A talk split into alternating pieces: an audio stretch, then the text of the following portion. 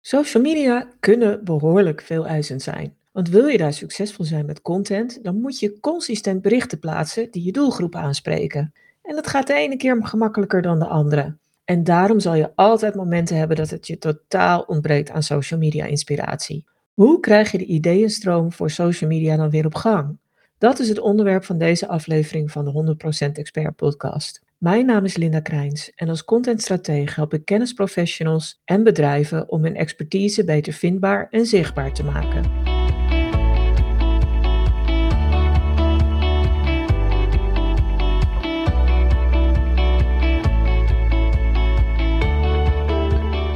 Ik heb vijf manieren voor je op een rijtje gezet waarmee je op meer ideeën voor social media content kunt komen. En ik zal ze eerst even kort opnoemen en daarna ga ik er uiteraard veel dieper op in op elk idee wat ik je aan de hand wil doen. Eerste idee is gebruik een inhaakkalender. Nummer twee is hergebruik content die je toch al hebt of waarvan je weet dat je die toch al gaat maken. Nummer drie is benut ChatGPT of een andere AI-tool. Een vierde tip die ik heb is dat je de vertaler van vakliteratuur gaat worden voor je doelgroep.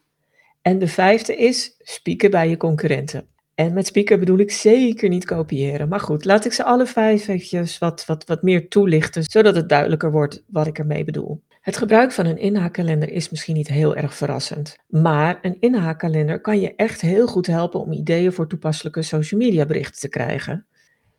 En het liefst gebruik je zo'n inhaakkalender eigenlijk al eerder dan het moment waarop je tijdelijk inspiratieloos bent. Namelijk als je met je contentstrategie en je contentplanning bezig bent.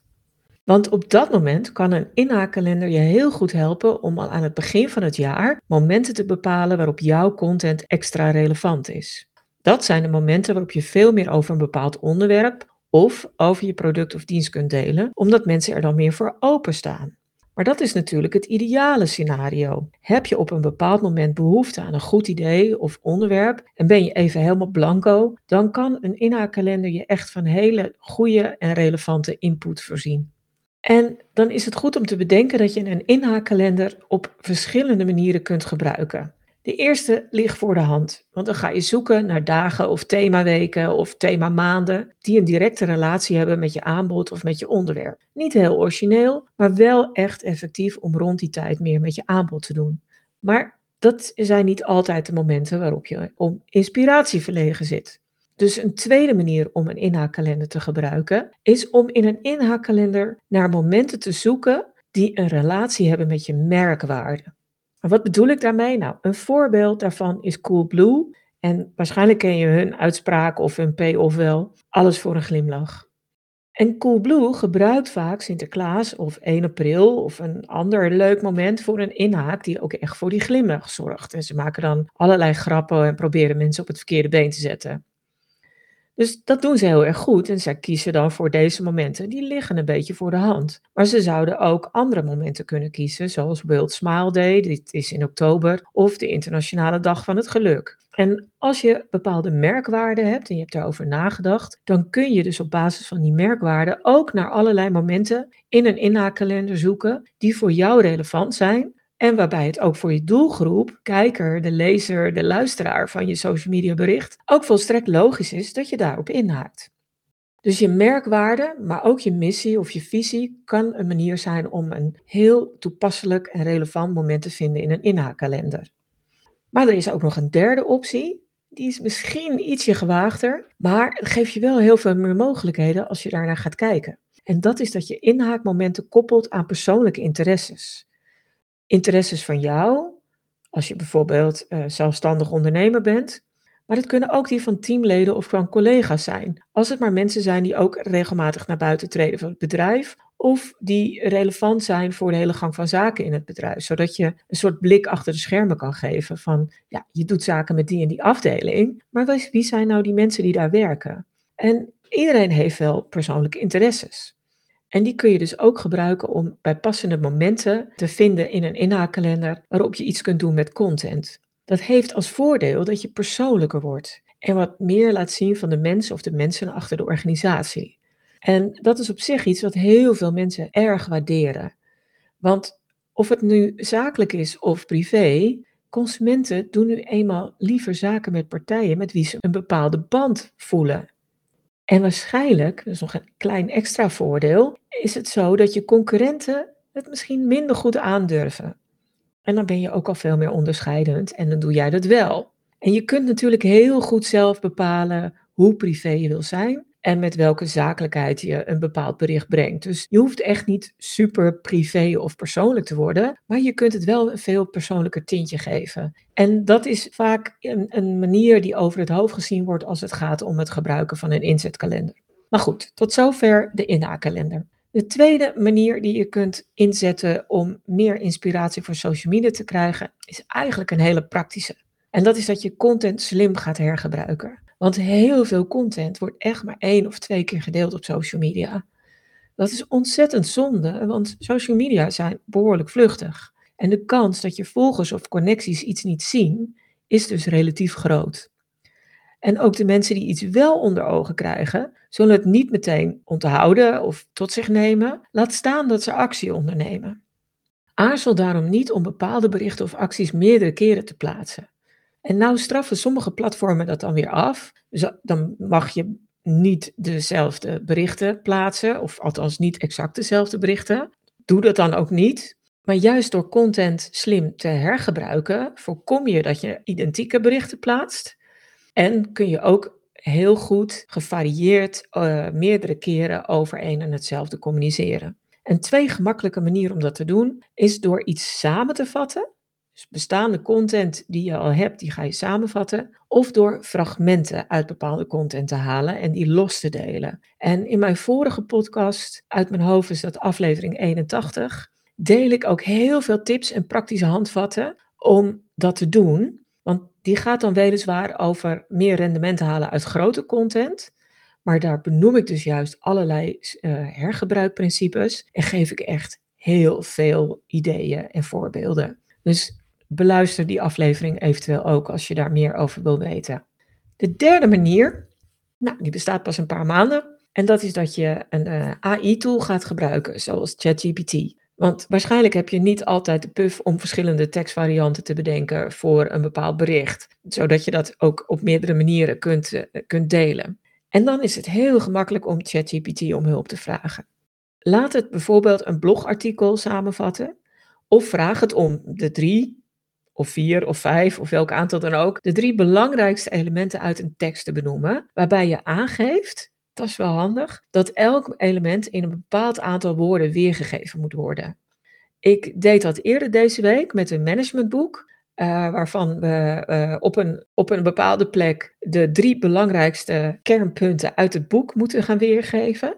Dus ik dacht, ja, ik kan het boek weer doornemen met de inhoudsopgave, et cetera. Dat is best nog veel werk, terwijl ik het boek wel redelijk goed kende, maar dat is nog steeds heel veel werk. Ik heb nu aan ChatGPT gevraagd om de drie belangrijkste punten uit dat managementboek te halen. En die per element dan daar maximaal 100 à 150 woorden voor te gebruiken.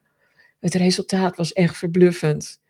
Het haalde perfect de essentie uit dat managementboek en kwam met drie hele mooie, handige alinea's die we perfect kunnen gaan gebruiken. Dus ik word er wel blij van. En ik, ik ben op zich niet zo'n voorstander van ChatGPT voor het schrijven van tekst.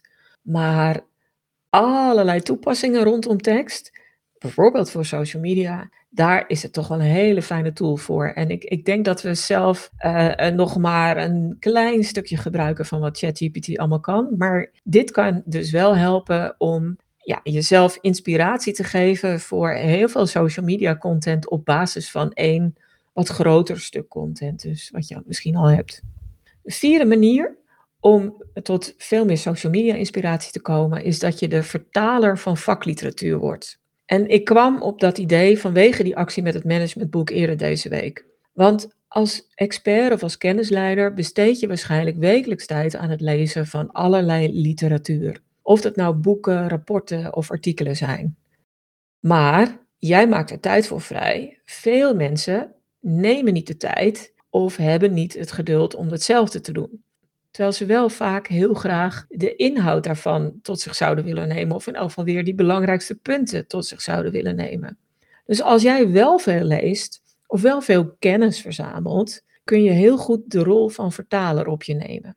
Waarbij je bijvoorbeeld de highlights of belangrijkste conclusies van andermans expertise deelt en die dan weer in hapklare brokjes verpakt.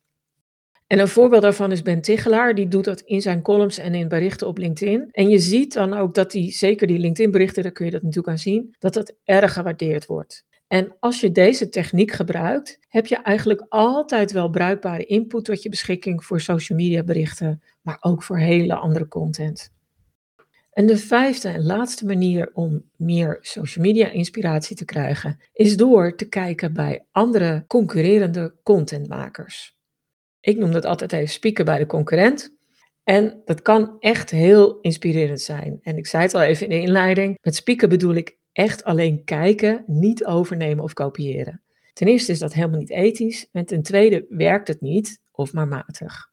Want wat voor een concurrent werkt, hoeft voor jou echt niet op dezelfde manier te werken. En misschien werkt het zelfs wel helemaal niet of tegen je. En bovendien wil je zeker op social media content delen die echt bij jou past. Met jouw onderwerpen, jouw invulling en jouw toon. Want op social media draait het om interactie. Nou, dan moet het wel echt jouw ding zijn, wat je op jouw manier brengt. Wil je ook die interactie goed aan kunnen gaan en ook bij jouw doelgroep uh, de juiste snaar raken.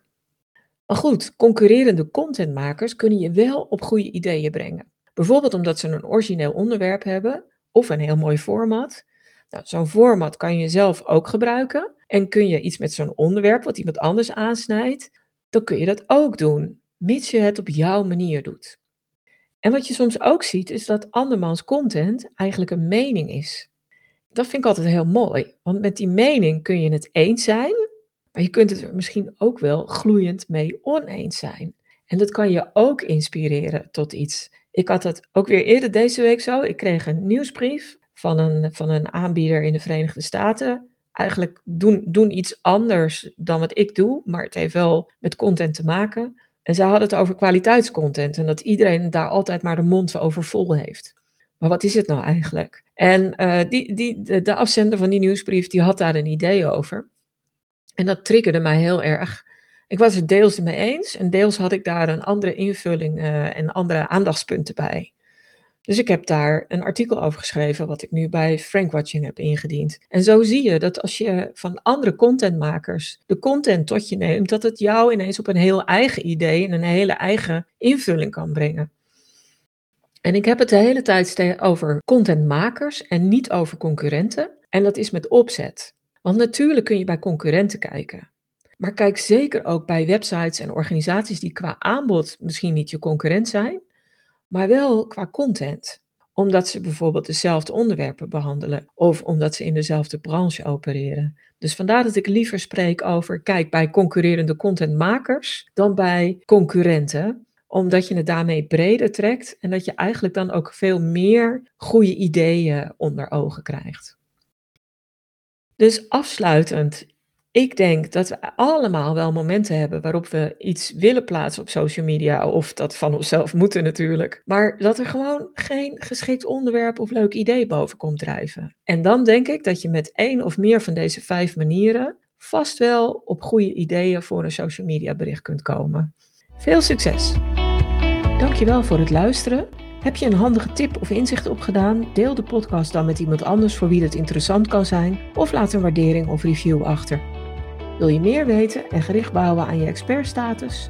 Op mijn website help ik je met veel plezier op weg. Met blogs, checklists en stappenplannen bijvoorbeeld. Maar ook met online masterclasses, één op één marketing power sessies en met de expertkring. Het traject voor wie wil groeien als expert en kennisleider. Je vindt het allemaal op stroop.nl en ja, stroop schrijf je met dubbel S.